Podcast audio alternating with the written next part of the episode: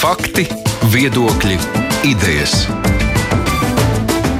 Raidījums Kruspunkta ar izpratni par būtisko. Kruspunktā studijā Aits Tamsons.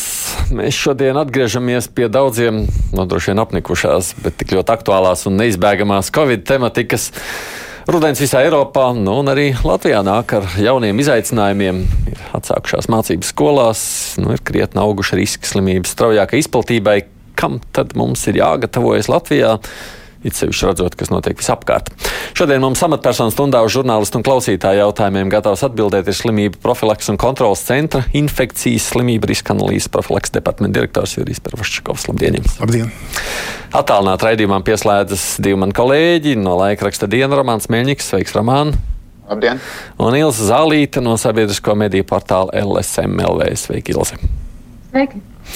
Klausītājiem, kā parasti, arī ir iespējas uzdot savus jautājumus studijas viesiem. Mums ētera tālruņa numuri ir 6722, 888, un 672, 559, es atgādinu, ja tas attiecas uz radio tiešraidi, kas mums ir ne pēc tam vairs televīzijā, kur jau ir ieraksts, un arī elektroniski. Protams, sūtiet tiešraidē mūsu mājaslapā ziņu raidījumam krustpunktā vai arī uz adresi krustpunktā Latvijas radio LV.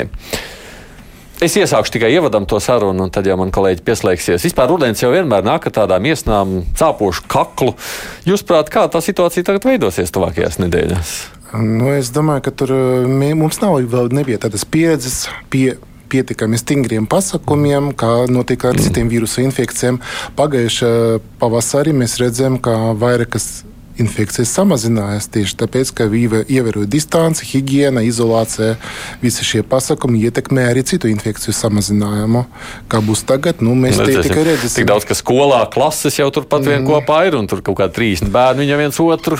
Nu, šeit ir galvenais pateikt, nu, nodrošināt tā, ka no vienas klases uz otru klasi neiet šī, mm -hmm. šī infekcija, ja gadījumā būs ievesta. Mm -hmm, bet no iesnas pārēt, bet būs beigās tā, ka nevarēs saprast iesnas, ko darīt. Tas ir Covid, nav Covid, ko aizieties. Tad, ģimenes ārstam ir mhm. tiesības pieņemt lēmumu par to, ja ir simptomi, kas atgādina patiešām atgādina Covid, tad noteikti testēšana būtu vajadzīga. Vēl, ja ir grupveida saslimšanas gadījums, kolektīvā notiks, par ko skolām mm. un bērnu dārziem vajadzētu ziņot. Tad par šiem bērniem mēs atsevišķi paziņosim ģimenes ārstiem par to, ka redziet, tur ir, ir uzlismojums, ir kolektīvas, ir vairāki gadījumi, vajadzētu tomēr veikt šo testēšanu. Mm, bet mēs prognozējam, ka visticamāk testu skaitam būtu jāaug. Uh, nu, dabiski, jo jo indikācijas ir indikācijas, klīniskas indikācijas, ja pieaugs rudenī un ziemā, tad noteikti testu skaits arī pieaudzīs. Mm -hmm. nu, kolēģi, sakiet, kas jā, jums ir? Jā, jā, man. man tieši skolas jautājums visvairāk satrauc, jo man liekas, ka tas ir milzīgi liels risks, ja neļauj bērniem, kuriem ir nu, iesnas nākt uz skolu. Uh, tas nozīmē, ka vienā brīdī rudenī var atkal atgriezties pie attālinātās mācības, un vēl trakāk, ja skolotājs ar iesnām nevar iet uz skolu, tad tas nozīmē, ka jābūt gatavam arī tam variantam, ka tas skolotājs māca attālināt. Vienkārši vai, vai mēs pārspīlēt nepievēršam šīm iesnām un parastām rudens slimībām pārāk lielu uzmanību, zinot, ka mums tā Covid klātbūtne Latvijā faktiski ir tikai ievestie gadījumi. Nav jau tā, ka mūsu skolās būtu kāda pērēkļa. Nu, saistībā ar iesnām un šādām vieglām saslimšanām rekomendācijas bija sen, un arī tas bija rakstīts, ka līdz šim arī bez covid arī nevajadzētu bija slimiem bērniem apmeklēt izglītības iestādes, jo vienam tas izpaužas, ka iesnās, otram būs riktīga temperatūra, trešais inficēs vēl visu savu ģimeni, jo infekcijas slimības izplatās kā ķēde. Šajā laikā ir vienīgais ir tas, ka, protams, tie riski pastiprinās, izjūt no covid jautājuma pieejama un līdz ar to testēšanā ir pieejama un uh, būtu ieteicama uh, pie, vismaz pie tiem simptomiem, kas noteikti varētu atgadināt, atgadināt šo covid. Nu, tik daudz, ka mums jau reizēm ir tādas nu, ļoti vieglas iesniņas. Nu, tādas, nu, tā, tā, bišķi, bišķi. nu, kā jau teicu, tās ir atkarīgs no tieši cilvēka, jo vienmēr tā ir miedarbība ar vīrusu un ar, starp vīrusu un cilvēku. To lielu organismu viens pārnēs labi, vieglāk, otrs pārnēs pavisam savādāk. Nu, skolā. Bet jā. tajā gadījumā, ja mēs pārāk lielu uzmanību veltam šīm nu, sīkajām saslimšanas situācijām, var sanākt, ka ļoti cieši gan izglītības process, gan, gan varbūt ekonomika, gan daudz citas jomas. Vai, vai tā cena, ko maksājam, ir, ir tā vērta? Nu, nu, Dievs ar tam iesnām. Nu, vai mēs bērnībā neesam gājuši skolā ar iesnām vai uz darbu kādreiz neejam ar maz temperatūru? Uz eksāmeniem augstskolās iet 37,5 un nekas.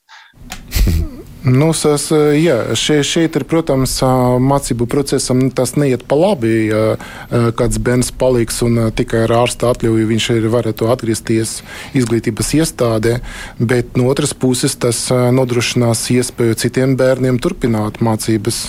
Un, uh, sevišķi, nu, protams, ir skaidrs, ka bērni pārnēs lielākoties šo saslimšanu diezgan viegli. Uh, dažreiz arī gandrīz bez simptomiem, ar tādu, kā mēs teicam, vieglām uh, pazīmēm, kā iesnās. Uh, bet tas nenozīmē, ka skolotāji vai radinieki, ar kuriem tie bērni dzīvo, uh, arī tie, tie, tik viegli pārnēsies šo slimību.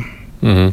Jūs runājat par Covid, nevis par iesnām. Tas nozīmē, ka ir Latvijā Covid izplatība, tāda, ko, ko nevar nofiksēt. Ne tikai tieši šodien mēs nekādīgi nevaram pateikt, ka mums ir izplatība noteikti nekontrolēti. Tam ir vairāki fakti, kuri par to liecina. Nu, Pirmkārt, mēs zinām, tā saslimšana kura reģistrēta katru dienu, lielākoties saistīta ar to, ka cilvēki bija ārzemēs, tie, kuri saslimā, tie, kuri ir inficēti. Un lielākā daļa no pārējiem gadiem arī saistīta ar to, ka bija ģimenes kontakts vai darba vieta kontakts ar cilvēku, kurš inficējas ārzemēs. Tāda nekontrolēta, nesevišķi skaidra izplatīšana, protams, ir atsevišķi gadījumi, bet viņi, e, šo gadījumu skaits nav liels. Līdz ar to tas ir labs pamatojums tam, ka dot vispār atļauju e, turpināt, e, kā vienmēr, to mācības procesu klātienē. Situācija, protams, var mainīties, bet kopējā Eiropas nostāja pašreiz līdz pavisam, nu, kamēr nepaliks pavisam nopietna tā situācija, to mācības procesu noteikti vajag turpināt. Mm -hmm. Es papriekš pacelšu klausuli, tad Ilzi tev jautājums būs. Halo! Labdien! Labdien.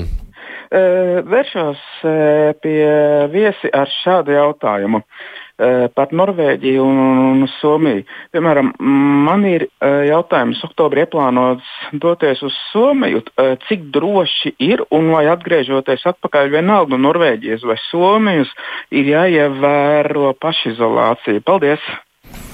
Nu, dotajā brīdī nav tik daudz Eiropas valstu, kur ir saslimstība zemā līmenī, tikpat kā Latvija. Mēs jau gandrīz divas nedēļas līderi šajā jautājumā. Mums ir viszemākā saslimstība Eiropas Savienības valstu vidū, faktiski divas nedēļas.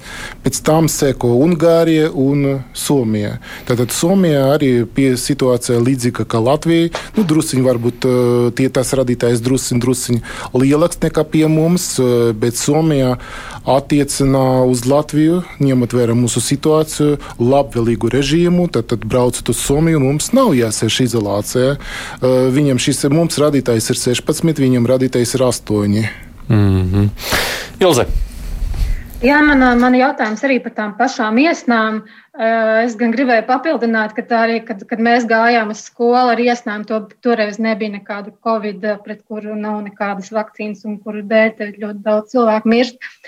Bet man interesē, interesē kāds speciālista viedoklis, kurā brīdī epidemiologi sāks teikt, ka atkal ir jā, jāatgriež pie attālinātām mācībām. Kas būs tas brīdis, kad jūs teiksiet viss, ka mēs vairs nevaram tā turpināt? Šis jautājums ir nav tik viennozīmīgs, kā mēs pateiksim, redziet, mums šodien mums, teiksim, nu, patreiz mums četri šīs radītājas, ja būs 15 vai 20, tas vēl nenozīmē, ka mums vajadzētu atgriezties pie sting, stingrākiem pasākumiem. Pirmām kārtām, kā situācija nav vienmērīga un nav attiecināma uz visām skolām, ja kādā teritorijā būtu saslimstība paaugstināta, tas nenozīmē, ka mm. tas notiek visā Latvijā. Tas nozīmē, ka varētu aizslēgt, pieņemsim, nu, vienu pilsētu un otru palikt vaļā. Tā, tāpēc šeit ir visticamāk, ka pirmam kārtam jāskatās uz skolām. Ja skola ir reģistrēts gadījums, tad viennozīmīgi šis gadījums būs rūpīgi izmeklēts. Konkrēti klase būs piedāvāts, piedāvāti konkrēti pasākumi, tie, kuri bija kontaktā ar inficēzu personu, viņi noteikti būs mājas karantīnā divas nedēļas. Gan bērni, gan skolotāji. Ja šis kontakts būs noskaidrots kā, kā tuvs kontakts. Tas ir pirmais, kas attiecas uz konkrētu skolu, kur ir reģistrēts gadījums. Un, bet pie situācijas, kas klases strādā un mācās atsevišķi, un tā izolācija starp klasēm ir nodrošināta, tas nenozīmē, ka skolu vajadzētu slēgt šajā gadījumā. Tad vēl atgriežoties pie radītājiem, radītāji var liecināt eh, visu kaut ko, viņus vajadzētu pareizi izvērtēt un pareizi interpretēt. Ja augsta saslimstība, augsti, nu, teiksim, ja kāda diena būs 20 vai 30 gadījumi reģistrēti, jāskatās, kas tie par gadījumiem. Varbūt ir kādu kolektīvu izmeklējot, mēs atrodam daudzus, un tas neatiecas vispār uz kopējus Eh, situāciju valstī. Tāpēc šeit ir būtiski un izšķiroši paskatīties, vai pieaug vai nepieaug nenaskaidrotu, nekontrolētu eh, gadījumu, gadījumu skaita izplatībā, kad cilvēki nevar pateikt, kur viņi inficējas. Kā jau teicu, uz dotu brīdi gandrīz 95% no visiem gadījumiem cilvēks saka, nu jā, es biju ārzemēs, vai man redziet, mans eh, radinieks ir saslimis, es biju ar viņu kontaktu, tad ir skaidrs, kā veidojas šis ķēdes. Un, ja šīs ķēdes veidošanas skaidrības nebūs, tas liecina par to, ka kaut kāda teritorijā nu, varbūt bija ļoti īpaši smagas situācijas valstī kopumā, varētu būt eh, nu, citi pasakumi būtu pieņemti. Mēs redzam, ka tāda nekontrolēta izplatīšanās tagad atkal sākas Spānijā, Francijas atsevišķas daļas un vairākas citas Eiropas valstis. Bet, bet nevarētu, izsekot nevar. Jā, bet nevarētu teikt, ka iemesls, kāpēc Latvijā vispār mums ir, kā mēs sakām, pirmajā vietā vismazākais saslimstības rādītājs, ka mēs esam spējuši visu laiku izsekot, un citur viņi nav paspējuši to vairs. Nu, redziet, kopš jau 200 gadus, kamēr pastāv sabiedrības veselība, pretepidēmijas pasākumi ir pietiekami efektīvi. Un tie pasākumi joprojām ir svarīgi. Ja mums nav kaut kas cits, kas ir, nu, tīksim, kamēr mums nav vakcīnas vai efektīvas ārstēšanas līdzekļi, ja vēl nav izgudroti, mums vajadzētu izmantot to, ko pasaule izmanto jau vairākus gadsimtus. Tātad distancēšana un higienas ievērošana. Mēs... Slimniekus vajadzētu atklāt, testēt, jo slimnieki atklāti un testēti. Viņi informēti, viņi brīdināti, vi, mēs ievērojam izolāciju un slimība nevar tālāk izplatīties nu, pārāk intensīvi. Bet tas nozīmē, ka mēs kaut kā sekmīgāk spējam izsekot visiem tiem gadījumiem nekā citās valstīs. Uh, nu, redziet, mūsu dienas tieši strādā ar visām infekcijas slimībām arī iepriekš, un tāda mūsu ir tradīcija uh, attiec, attieksme pret jebkuru mm. infekcijas slimību, kura, kura ir sabiedrības veselības nozīme. Nu, jā, kolēģi. Ilz... Es gribēju vēl par to izsekojamību, par uh, aplikāciju parunāt, ko aptur Covid. Uh, cik šobrīd ir un, un vai saistībā ar šo jauno mācību gadu ir pieaudzis lietotāju skaits? Jo es, piemēram, savam sīcim esmu uzlikusi, un es uzskatu, ka arī skolām pašām būtu jāsaka, mm, uzliekiet vecāki bērniem šo aplikāciju, jo tad arī būtu vieglāk izsekot.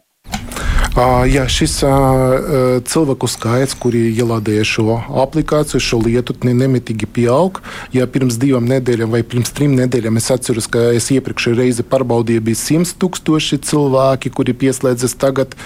Šodien no rīta es arī paskatījos, bija 133 tūkstoši cilvēku. Nu, faktiski gandrīz drīz būs gandrīz katrs desmitais. Nu, pēc kāda laika Latvijas iedzīvotājs varētu Nu, vēl vēl droši vien, ka pēc mēneša šis radītājs būtu sasniegts. Mm. Protams, uz, uz cilvēku interesi par šo aplikāciju ietekmē vairāki faktori. Gadījumu skaita pieaugums ir viens no faktoriem, un tāds uh, kopējs apdraudējums Eiropas Savienība.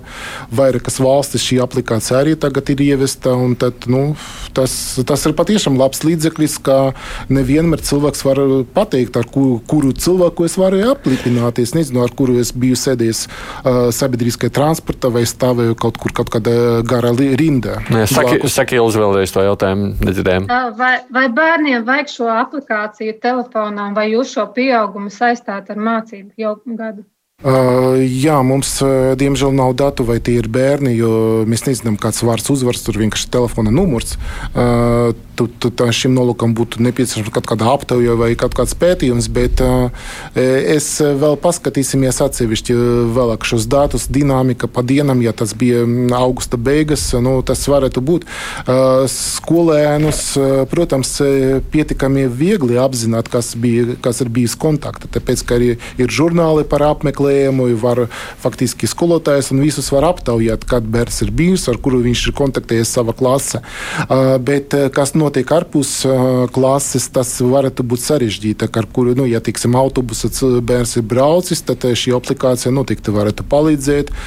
Un vēlreiz bieži vien uzdot jautājumu par to, nu, tad, kāpēc tas ir vajadzīgs, jo cilvēks, kurš ir slims, viņš taču mājās sēdes un nevienu neaplipinās, tad tā, tām nav nozīmēs. Nozīmē ir, tāpēc tāpēc, ka nevienmēr, kā, diemžēl, ar iesnām un tā tālāk, nevienmēr cilvēki tomēr sēž mājās, un nevienmēr uh, cilvēki uh, zina, ka viņam simptomi parādīsies pēc divām dienām. Jo pēc cilvēks jau ir infikcijos, bet simptomi var parādīties pēc, nu, parasti parādās pēc divām dienām. To neviens nevar zināt. Jā, bet, nu, Edgars saka, tieši šī sabiedriskā transporta autobusa, piemēram, Jūrmalā, viņš saka, no rītiem, kur skolēni dodas, ir pilnībā pārpildīta, un tur taču neko īpaši uzlabot nevar. Uh, jā, uh, problēma ir tāda, ka patiešām pārpildīti autobusi, un kamēr Covid nav izplatīts sabiedrībā, viss ir labi viss notiek. Cilvēki turpina braukt, varbūt viņi inficēsies ar kādu citu vīrusu, bet ar covid viņi nevar inficēties, tāpēc ka iespējamība un varbūtība, ka autobusa brauks infekcijas savas, ļoti niecīga. Nu, tie, tie ne, cipari pašreiz nav tik lieli, lai būtu masveida, masveida riski inficēties autobusā. Situācija, protams, var mainīties. Un, situācija nebija viennozīmīga pavasarī, kad bija tie pieaugumi, kad bija atkal bija atgriežas pie normālas dzīves. Toreiz bija maskas, un tagad lielākā daļa pasaules valstu pieņema lēmumu, kur, kur infekcija patiešām izplatīta sabiedrība, ka maska ir papildu aizsarga līdzeklis, lai pasargātu citus cilvēkus no savas infekcijas, ja nav iespējams ievērot distanci. Sabiedriskais transports ir tieši tā vieta, kur eh, visgrūtāk ievērot distanci.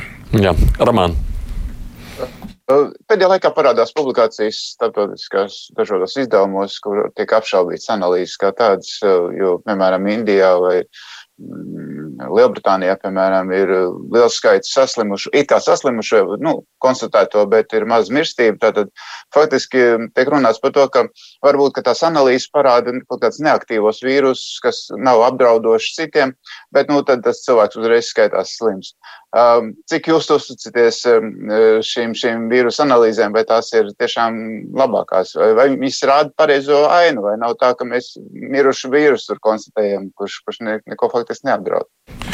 Nu, šis ir jautājums, kuru var diskutēt ļoti ilgi, un tieši varbūt ar medicīnas studentiem, bet, ja, principā, ja īsumā analīzes vai testa rezultāts šajā brīdī ir labākais, kas varētu būt pie, tā ir molekulāra diagnostika, un mēs nosakām RNS vīrusā, konkrēta vīrusa RNS. To nevar sajaukt ar citiem vīrusiem, katram vīrusam, katrai, katrai dzīvai būtnei ir savas, savas RNS. Un, Tas ir pirmais. Otrais, kā Dažreiz RNS klātbūtne neliecina par to, ka cilvēks ir inficēts dotajā brīdī, jo izdalīšana pēc pārslimošanas šo vīrusu var izdalīt ilgu laiku. Var izdalīt, eh, mums bija gadījumi 40 dienas, mums bija gadījumi pasaulē aprakstīti 60 dienas un iespējams pat, pat ilgāk. Un tās RNS daļas, kuras nosaka, var neliecināt par to, ka vīrus ir aktīvs, eh, un šie gadījumi pēc būtības būtu uzskatāmi par neaktīviem. Bet ja cilvēkam ir simptomi, cilvēkam ir klēpus, viņam ir izteikti covid simptomi, viņš ir nesen saslimis, viņam pozitīvs tests, un šāds gadījums neapšaubāmi liecina par svaigu inficēšanu. Es tur nav, nevajag domāt par to, ka tas ir kaut kāda sakritība. Uh, mēs uh, iesakām, ja gadījumā mēs atrodam, un faktiski pēc visas statistikas, cik mums tie saslimšanas vai inficēšanas gadījumi bija reģistrēti, uh, viens no desmit, eh, vien, tātad deviņi ir ar simptomiem, viens bez simptomiem. Tātad tagad ir ieteicams tiem cilvēkiem, kuriem nav simptomu, bet atrasta ko, koronavīrusa klātbūtnē. Viņam vajadzētu veikt, ieteicams veikt antivielu pārbaudi. Ja antivielas ir konstatētas, Tas nozīmē, ka šis gadījums nebūtu uzskatāms par aktīvu gadījumu, un kontaktpersonu un citi ierobežojušie pasākumi būtu atcelāmi, un šis cilvēks būtu arī atbrīvojams no izolācijas. Tāpēc, ka antivielas un vīrusa klātbūtne liecina, ka cilvēks jau ir paspējis. Nu, pirms nedēļas, pirms divām vai pirms trim nedēļām jau pārspēja, pārspēja pārslimot, un viņš nav vairs bīstams. Bīstam, bet, nu, Ivars jautā, piemēram, viņš saka, vai ir jēga veikt Covid antivielu testu, ja es kaut ko līdzīgu slimoju martā. Varbūt. Uh, šis jautājums vēl. vēl sarežģītāk, jo antivielu testi nav tik precīzi, kā mēs. Eh, antivielas testi, antivielu testi uh, ir dažādas sistēmas, un jūtība ir dažāda, un precizitāte ir dažāda. Antivi nevienmēr uh, mums ir pieredze, mēs ar donoru, mūsu donoru centrs ļoti uh, atsaucīgs, un viņi uh, piedāvā tagad donoriem jau gandrīz kā mēnesi pārbaudīties arī uz, uh, pārbaudīt antivielas uz uh, Covid uh, infekciju uz Covid vīrusu. Tad, tad mēneša laikā vairāk nekā 3000 ir pārbaudīti, 13 gadījumos ir atrastas antivielas, bet uh, tiem cilvēkiem, kuriem atrastas antivielas, vēl pārsūta uz references laboratoriju, lai smalkāk papētītu šo situāciju. Un, eh, faktiski diviem, vismaz diviem uz dotu brīdi eh, references laboratorija neapstiprināja, ka antivielas ir patiešām eksistē. Ar šiem sākumā bija diezgan liela aizraušanās ar šiem testiem, kā mēs veiksim testus un cilvēkiem, kuriem tas ir pierādīts, nu, tad mēs uzskatīsim par pārslimojušiem, un tad uz viņiem izolācija netieksies. Bet, nu, tomēr tagad būtu pie šādas situācijas būtu grūti atšķirt vai tas ir viltus pozitīvs tests, vai, eh, vai cilvēki patiešām ir pārslimojis un kad pārslimojis. Tad, e, tad, līdz ar to ieteikums pašreiz, ja ir papildu faktori, kuri liecina par to, ka cilvēks varētu būt pārslimojis patiešām, viņam izziņa, piemēram, viņš pārslimojis ārzemēs, bet tur nav īsti skaidrs. Varbūt. Nu, tad tad var, var veikt šo testu, un tas divi, te, tad, divi testi varētu par to liecināt. Ja cilvēkam ir nav simptomu, bet viņam ir izdalīts vīrus, arī, kā, mēs, kā es teicu, tests būtu ieteicams, bet vienkārši tā atnākt un pateikt, pateikt, es gribu pārbaudīties. Varbūtība, kā atradīsim antivielas, būs tikai uh, vienam cilvēki, cilvēkam no 200, jo izplatība Latvijā šai infekcijai ir ļoti zema. Tas, tā seroloģija arī to pierāda, ka tie faktiskie cipari, kas ir nāk caur rutīnas uzraudzību, caur rutīnas testēšanu, ir diezgan tuvi īstenībai. Uh, mazāk par 1% Latvijas iedzīvotāju pārslimoja, tad sagaidīt, ka mēs atradīsim nu, ja 200 cilvēki samaksās par šo testu, veiks pārbaudi un varbūt viens dabūs rezultātu, kuru vēl nav iespējams līdz galam, uz kuru nav iespējams līdz galam paļauties. Un mm -hmm. dažreiz arī var būt robeža vērtība nav tik skaidra, kaut kas ir un tur vajag, tas prasīs vēl papildu tekstu, testu veikšanu. Es atgādinu, šeit ir no slimības profilaks un kontrolas centra Jurijs Vervoščikovs un man kolēģi arī gatavi izjautāt. Ir šeit nu, Ilza Zālīta un arī kolēģis Ramons Meļņiks. Raidījums Krustpunktā. Jā, Ilze. Man ir divi jautājumi par vakcīnām. Pilnīgi nu, atšķirīgi. Viens ir par uh, Covid vakcīnu, kad uh, gaida vai ko Latvijā dara um, kaut kādus priekšdarbus, lai šo vakcīnu dabūtu. Un otrs ir par uh, gripas poti. Eh, tiek uzskatīts, eh, ir tāds viedoklis, ka sapotējoties pret gripu, Covid pārslimo netika smagi. Eh, iepriekšējos gados pēc pašas pieredzes man ir bijis tā, ka to gripas vakcīnu ir ļoti grūti dabūt. Es esmu nu, zvanījusi uz vairākām poliklinikām līdz tieku līdz tai. Kā, kā prognozējot šīs gripas vakcīnu iepirkumu, vai vairāk vai mazāk? Es pieļauju, ka tas vairāk būtu Nacionālā veselības dienesta jautājums.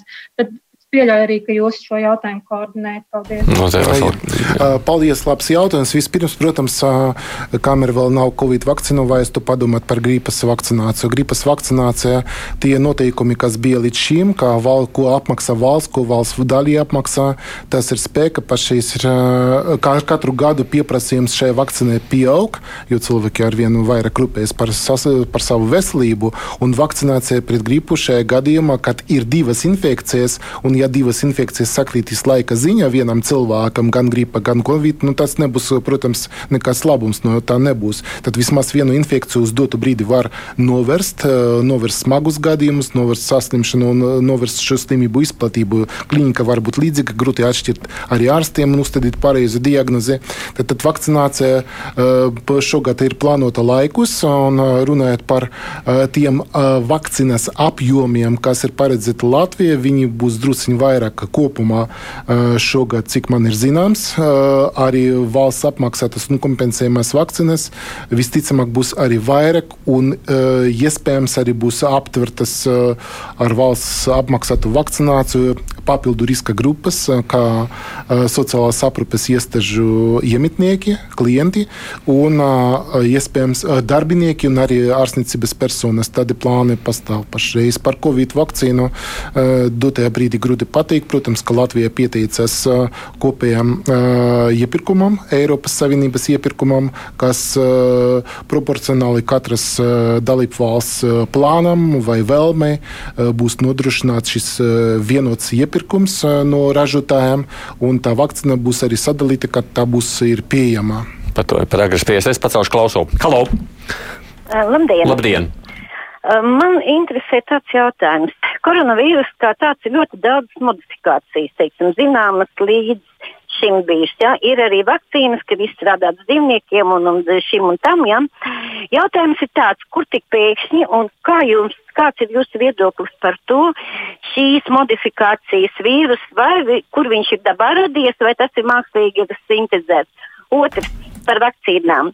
Ja būs šīs izstrādātas vakcīnas, vai principā jūs arī informēsiet iedzīvotājs, katrs, teiksim, vakcinējumais cilvēks varēs uzzināt, kādas blaknes ir pēc vakcinācijas.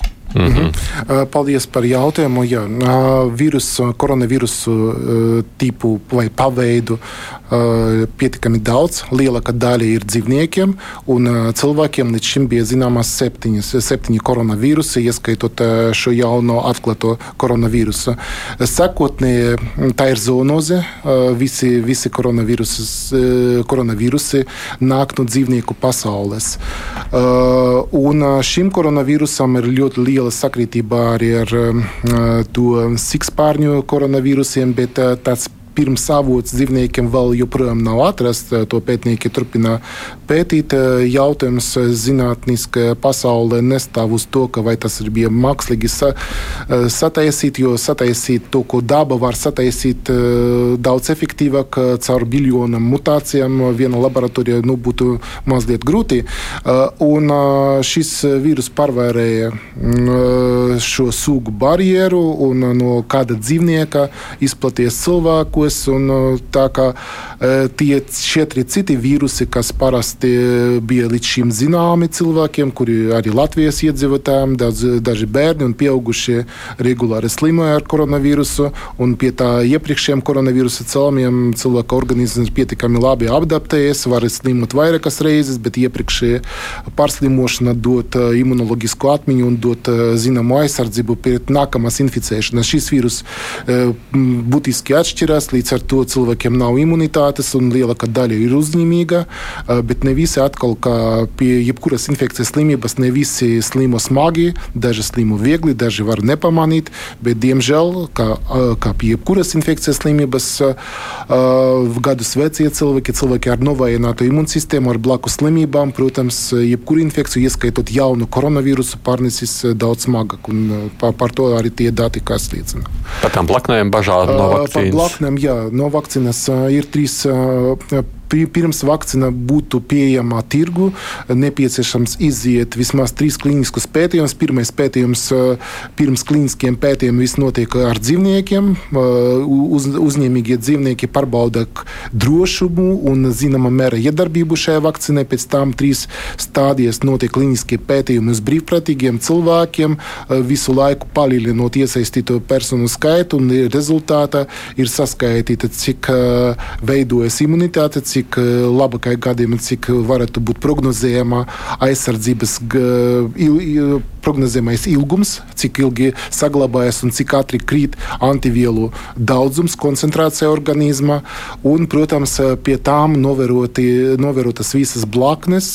Pētījumi ir tādi, ka cilvēks nevar zināt, vai viņš ir saņēmis placebo vai viņš saņems vakcīnu, lai nebūtu nekādas ietekmes uz rezultātiem, lai tie rezultāti būtu maksimāli objektīvi līdz ar to saskaitot, cik no brīvprātīgiem saņēma vakcīnu, cik viņam bija tādas vai šādas pēc vakcinācijas perioda blaknes, salīdzinot šo biežumu ar tiem cilvēkiem, kuriem bija ievadīts ūdens vai kaut kāda cita vakcīna, tad var, uh, var pateikt, cik šai vakcīnai būtu lielāka iespējamība, ka būtu temperatūra vai, vai varbūt arī kaut kāda smaga blakne pēc vakcinācijas. Nevienmēr to, ko mēs novērojam pēc vakcinācijas, var sasaistīt ar vakcināciju. Dažreiz ir notiek vienkārši sakritība ar kaut kādu citu saslimšanu. Un šis pētījums, pētījums, kas veikts ar vakcināciju, tieši tāds mērķis atšķirt viltus signālus par blakus parādībām no, signāl, no īstiem mm. signāliem. Protams, pie vakcīnas anotācijas viss šī, šī informācija būs arī zināma un aprakstīta. Mm. Ramān. Jā, jā, ja par to pašu tēmu, ja tiek testēts vīrus uz cilvēkiem un jānotestē ne tikai vai ir blaknes, bet arī šīs antivielas, bet tas nozīmē, ka tiem cilvēkiem arī būtu apzināti jāinficējās ar koronavīrusu, lai viņi varētu tiešām pārliecināties, ka ne tikai kaut kādas antivielas viņus uzrādītās, viņus sargā, bet reāli saslimšana neskar viņus. Mākslīgi cilvēkus neinficē parasti pie vakcīnu pētījumiem, pie trešās stadijas, bet veicot vakcināciju, populācija pietiekami liela cilvēku skaita. Un, ja valsti turpinās šī slimība izplatība, tur arī var salīdzināt ar to, ar kontrolas. Vienmēr vajag salīdzināt ar kaut ko, vai nepieciešama vienmēr ir nepieciešama kontrolas grupa. Tātad tie cilvēki, kuri saņem placebo pie ne, tādas nelabvēlīgas situācijas, un tie cilvēki, kuri saņēma vakcīnu, vakcīnu, tad kur ne tikai, protams, antivielu daudzums, bet arī reāla iedarbība. Šai vakcīnai tas parasti notiek pie visām vakcinācijām, pie visām jaunām vakcīnām. To svarīgi arī atzīmēt, cik ir reāla iedarbība, bet ir arī ir publikācijas par to, ka ne tikai antivielas, kuras mēs varam redzēt, var palīdzēt aizsargāties nākotnē no šīs vakcīnas, arī imunoloģiskā apņa iedarbojas arī, arī pēc šūnu mehānismā. Tad, tad, šūnu aizsardzība un arī atmiņa nevienmēr liecina, to, to nevienmēr var konstatēt ar antivielu pārbaudi. Tur ir nepieciešami sarežģīti testi. Robertam ir ļoti praktisks jautājums. Es atgriezos no sarkanās valsts un veicu testu. Nu, Covid nav, vai tad man tomēr jāievēro pašizolācija, ja tests ir negatīvs? Uh, jā, ļoti labs jautājums, jo viņi cilvēki bieži vien dzird, ka, ka kaut kur kaut ko pārbauda, un ja cilvēks ir atbraucis un nav tests nav uzrādījis eh, pozitīvu rezultātu, ka, nu, tad, tad eh, veidojas tāda sajūta, ka viss ir forši, droši un es varu darīt visu, visu ko gribu. Bet nu, īstenībā eh, vak, šai slimībai, jebkurai infekcijas slimībai, ieskaitot Covid, ir inkubācijas periods. Ja cilvēks šodien inficējas un rīt viņš ir pārbaudīts, vai parīt viņš ir pārbaudīts, diez vai viņš uzrādīs pozitīvu rezultātu. Varbūt arī piektajā dienā pārbaudīts, ja cilvēks aizies uz laboratoriju pēc testa arī var būt negatīvs, bet tas nenozīmē, ka nākamā diena un inkubācijas perioda 14 dienas, ka nevienam no nākamajām 14 dienām viņam neparādīsies simptomi, viņam neparādīsies vīrus. Tur tā, tur tā būtiska lieta, kuru vajag ņemt vērā. Un, tā, līdz ar to paša izolācija dotajā brīdī ir ideālākais variants, neraugoties uz testa esamību. No praktiskas dzīves mēs redzējām pietiekami daudz līdzīgi, nu, līdzīgas situācijas ar konkrētiem saslimušiem. Mēs viņi saka, jā, mēs atbraucam, mēs pārbaudījām, mums bija viss labi, bija, bet kāpēc tad viņš ir saslimis pēc nedēļas? Nu, bet tad Igauni jau... rīkojās saplam, jo viņi no 1. septembra laikam at iedevuši to alternatīvu. Ja viņi, viņi, protams, rēķinās ar Tad atkal jautājums par riskiem, ar kādiem riskiem mēs varam sadzīvot un samierināties starp uh, ierobežojumiem un mm -hmm.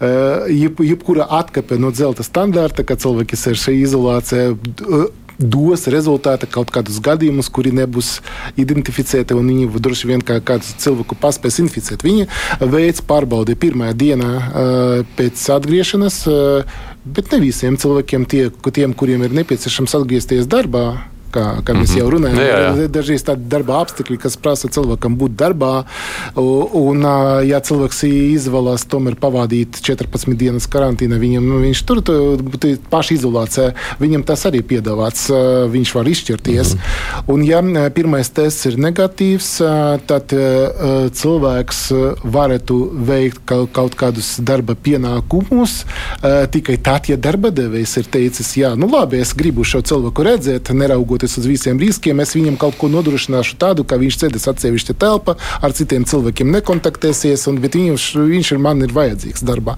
Un darba devējs arī sadalā ar šo cilvēku šo risku un kopā ar darba kolektīvu, ko viņš izdarīs. Tad, tad pa, paies vēl septiņas dienas, un tad septītajā dienā cilvēks var veikt vēl vienu testu, un vēl vienu testu veicot, un ja šis tests, nu, tā, teiksim, astotajā dienā viņš uzzinās, ka rezultāts ir negatīvs, nu, tad Igaunijas uh, valdība pieņema lēmumu, ka šajā gadījumā, nu, labi, lai viņš tagad jau mm -hmm. vis, viņš ir brīvs un viņš var darīt, ko grib, viņš var tikties ar paziņām. Nu, ja kādu inficēs, nu, prot, protams, tie, tie riski, jo tālāk kopš, infi, kopš atgriešanās no infekcijas kartes teritorijas, mazāka iedzīvotāja daļa attist, šī slimība attīstīsies vēlākajā inkubācijas periodā. Maksimāli tie cilvēki saslims 5, 6, 7 dienā. 7 dienā pārbaudot, ja vīrusa nav nav simptomu, nav. Tas nozīmē, ka vēl divas dienas uz priekšu šis, šī analīze varētu parādīt. Un tie riski par atlikušiem četriem vai pieciem dieniem, dienām, nu tad visa sabiedrība uzņemas mm. uh, un uzskata, ka tas ir ok. Labi, Ilze. Man vēl interesēja, kā tie gadījumi saistīti lielā mērā ar ceļotājiem no ārvalstīm, saprotu, tie, kas tiek konstatēti. Tā pašā laikā vakardien valdība pieņēma par avio ceļojumu ierobežojumu mīkstināšanu. Kas, kas īsti ir mainījies? Kāpēc šāds lēmums ir?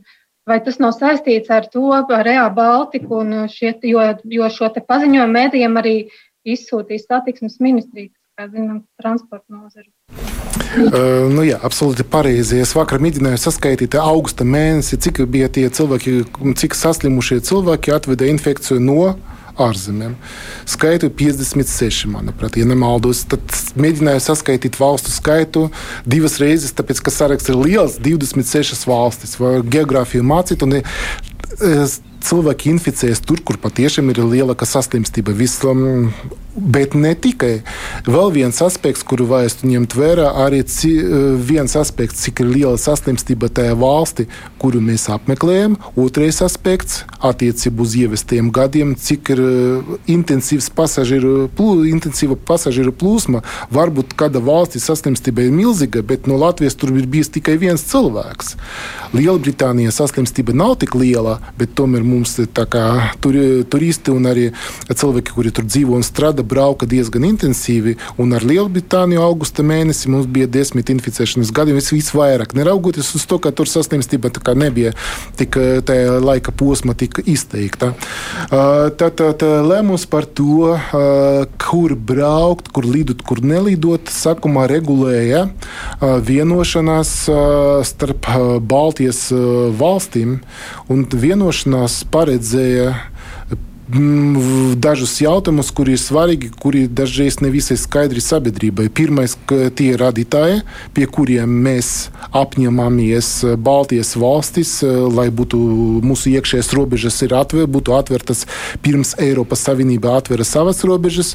Tātad vienojamies par to, ka ir 16 un 25 tie divi, divas robežu vērtības, par kuriem bija vienošanās, un vēl viena vienošanās bija tā, ka jāsasniedz ir 25 un vairāk, nu tad gan tur vajadzētu nelidot uh, vietējās avio sabiedrības, vietējās avio kompānijas un arī ārzemju kompānijām vajadzētu liekas šķēršļus un nedot iespēju tur lidot. Nu, tad sanāca tā kā Air Baltica, cik es sapratu, tas ir politisks jautājums, cik, nu, es, cik es, man ir zināms, tad, tad cietis lielu zaudējumus, tāpēc, ka nu, tie, kuri gribēja braukt no šitām valstīm, viņi brauca caur Tallinas lidostu vai caur Viļņu, Lietuvas lidostam. Un, tas ir viens no iemesliem, vēl no epidemioloģiskā viedokļa. Manuprāt, šeit ir būtiski arī nu, ja cilvēks ir palicis tajā valstī, kur nelido, nu, viņš tik un tā, ja viņam nepieciešams atgriezties Latvijā, viņš atradīs to ceļu, bet šis ceļš būs ilgāks, viņš būs riskantāks, viņš pavadīs varbūt vairākas lidostas laiku, viņš pavadīs laiku vairākas lidmašīnas. Un lidmašīnas tagad ir diezgan daudz tie pasažieri, kuriem ir covid. Katru dienu mēs strādājam ar vismaz ar vienu vai divām lidmašīnām, kur ir tomēr kāds ir sēdējies ar infekcijas pazīmēm vai bez pazīmēm, bija infikcijos, un tad mums vajadzētu meklēt kontaktpersonas sadarbībā ar citu valstu attiecīgiem dienestiem. Tad tie riski varētu tikai pieaugt, ka, kad cilvēks atgriežas ar apvidu ceļu uz Latviju.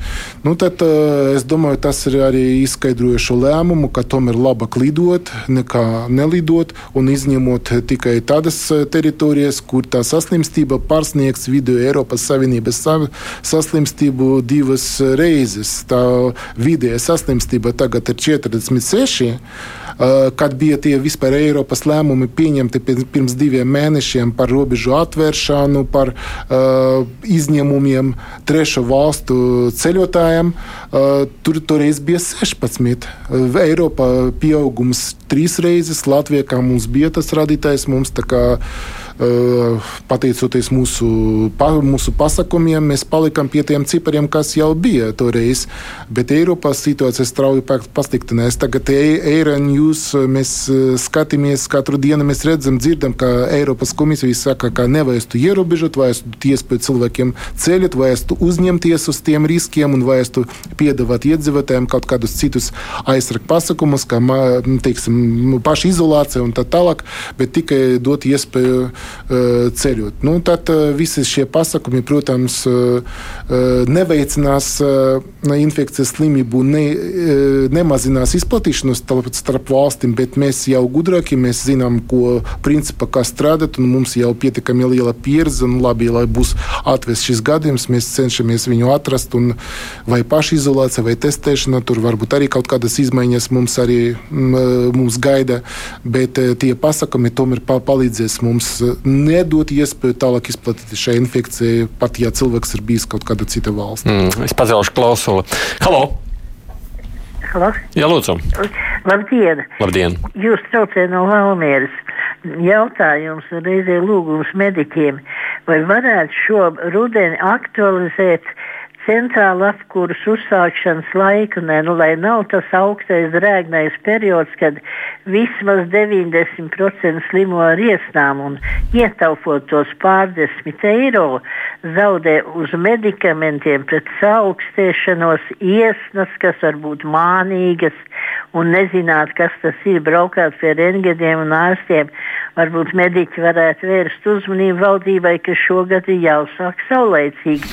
No, tas gan nav valdības jautājums, droši vien apsaimnieku, bet man te ir klausītāji raksts. Nu, droši vien atkarībā no tā, kāds būs rudens un cik ātri pieslīgs apkur, varētu būt aktuāls jautājums par iesnām. Pašvaldības šeit, protams, var kaut ko pateikt vairāk. Mm. Protams, mēs mediķi, protams, par to, kā lai būtu apkure jo ātrāk, jo labāk. Jo tas patiešām tas veicina visas saslimšanas. Roman. Jā, es gribēju vēl par to iespēju izsargāties no līdzīgām saslimšanām vai arī no koronavīrusa. Uh, bija kādreiz pavasara pusē runa par to, ka pneumopota varētu būt labs līdzeklis un pat rekomendēju. Tiesa, viņi ir viena no dārgākajām, kad 80 eiro, liekas, maksā. Vai, vai ir vērts tērēt naudu priekš pneumopotas cilvēkiem? Vakcinācija pret pneimokoku infekciju, neraugoties uz to, ir covid vai nav covid, nav pierādījumi, ka covid būtu veicinājis meningitus vai pneimonijas, ko izraisa pneimokoku infekcija. Bet pati par sevi šī vakcinācija, protams, ir ieteicama īpaši sevišķi riska grupam. Pašreiz ir notiek apspriešana par to, kā būtu arī cilvēki, kuri slimo ar hronis, dažam, dažam hroniskam saslimšanām, būtu aptverti ar valsts vakcinē, vakcināciju pret pneimokoku infekciju, bet tas nav, tā, tā nav vakcīna, protams, pret covid, un pat nav pret komplikācijām, kuras var izraisīt covid, bet tomēr tas atkal ir liels labums sabiedrībai un tiem cilvēkiem, kuriem riski ir lieli. Vēl viens zvans man ir pēdējais. Halo! Labdien! Labdien.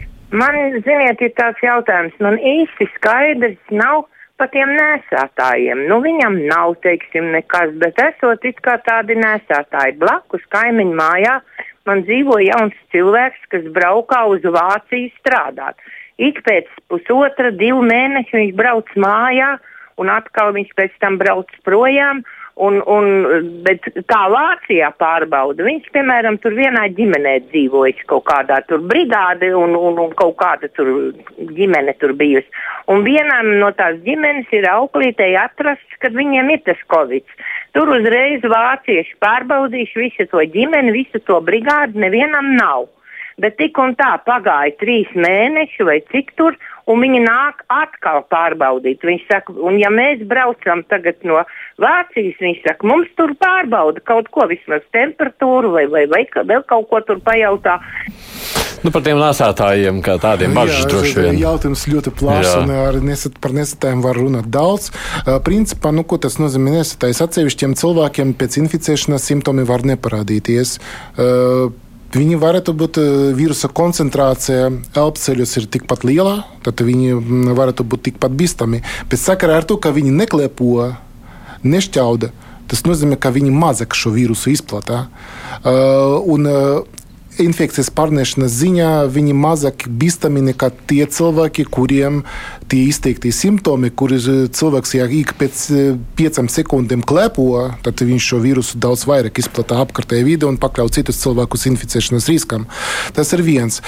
Antivielas parasti sāk parādīties pēc 10-14 dienas pēc šo infekciju, un kad cilvēkam jau nu, pārgāja, šī, šis periods, kamēr veidojas antivielas, attīstās, un tad viņš jau pēc tam jau paliek neinfikcijos. Šo vīrusu var izdalīt ilgi, un tāpēc, kā es jau minēju, mums ir svarīgi, un arī ārstiem būtu svarīgi saprast, vai šim cilvēkam, kuram ir, ir vīrus, bet nav, nav simptomu, vai viņš kādreiz ir pārslimojis un joprojām turpina kaut ko izdalīt, daļiņa, vīrusa daļiņas, vai viņš ir akuts gadījums, vienkārši pār, pārnēsa šo slimību bez simptomiem, tāpēc, ka viņam ir organisma īpatnības, īpaši kāds jauns cilvēks, piemēram. Tad, tad šo lietu vajadzētu risināt ar, ar ārstu, un, bet vēlos arī atgādināt, ka visiem Latvijas iedzīvotājiem tagad ir iespēja veikt to pārbaudi vai caur ģimenes ārstu vai piezvanot uz attiecīgu tālruni, pieteikties izmeklēšanai, bet nu, šeit vajadzētu arī saprātīgi izmantot šādu iespēju, ja mums bija kaut kādi noteikti riski, mēs bijām ārzemēs, mēs bijām kaut kādā pasākumā, kur bija ļoti liels cilvēku skaits, tad padomājām, un varbūt mums ir vērts patiešām šajā gadījumā pārbaudīties, vai mums ir simptomi. Tas ir viennozīmīgi, vai es risinātu šo jautājumu ar savu ģimenes ārstu. Tātad iespēja pārbaudīties ir visiem. Pārbaužu skaits mums jau veselu mēnesi nemitīgi pieaug. No 1500 vidēja diena tagad pagājušā nedēļa bija 1900 izmeklējumu. Izmeklējumu skaits ir liels. Tie izmeklējumi ir gan veselīgi cilvēki, gan kontaktpersonas, gan cilvēki, kuri ārbrauc no, no ārzemēs. Viņi dod tādu labu griezumu pa, par to, ka mums joprojām varam būt pārliecināti, ka šī slimība nav masveida izplatīta sabiedrībā. Tur, kur tā masveida saslimstība notiek sabiedrībā, šie cipari būtu pavisam citi procents vai īpatsvars, pozitīvu īpatsvars būtu 5% vairāk, un atsevišķas valstis arī pie uzlismojuma ir vēl, vēl lielākie tie procenti. Mums ir zem 1% katru nedēļu. Tas arī viens no indikatoriem, kas liecina, ka uz dotu brīdi situācija labvēlīga, bet nevajadzētu uh, tomēr uzskatīt, ka ja tas notiek, tas nemainīsies nekad. Slimība var vienmēr atgriezties. Higiēna, profilakse, distancēšana joprojām ir svarīga. Slimiem cilvēkiem nevajadzētu kontaktēties ar veseliem cilvēkiem, jo vienkārši tas ir no normāli ne, nepakļaut citus cilvēkus inficēšanas riskam. Paldies! Es jums saku, kolēģi, viss laiks ir beidzies. Es saku pateicību jums arī, ka jūs pieslēdzāties mūsu šai sarunai. Varētu jau vēl šo to jautāt. Klausītāju jautājumu tiešām ir daudz, un es atvainojos, ka nevarēju visus paspēt. Viens no jautājumiem, ko jūs domājat par tiem uh, pret uh, Covid pasākumu demonstrācijām, kas notiek Eiropā, bet mēs par to runāsim Nākamais. šodien Jā, arī citā raidījumā. Tā kā ja jums ir iespēja vēl paklausīties divas puslodes radio ēterā pēc pulksten trījiem, tas mēģināsim tam pieskarties, lai gan, protams, ir arī citi temati, par ko runāt. Es tikai gribu pateikt reiz paldies. Dienu laika rakstramāns Meļņiks, Ilza Zālīt mums no portāla SMLV un šeit studijā slimību profilaks un kontrolas centra Jurijs Pervoščikovs. Paldies jums, ka atnācāt. Procenti Junām un studijā šodien raidījumu vadīju es, Aidis Tomsons.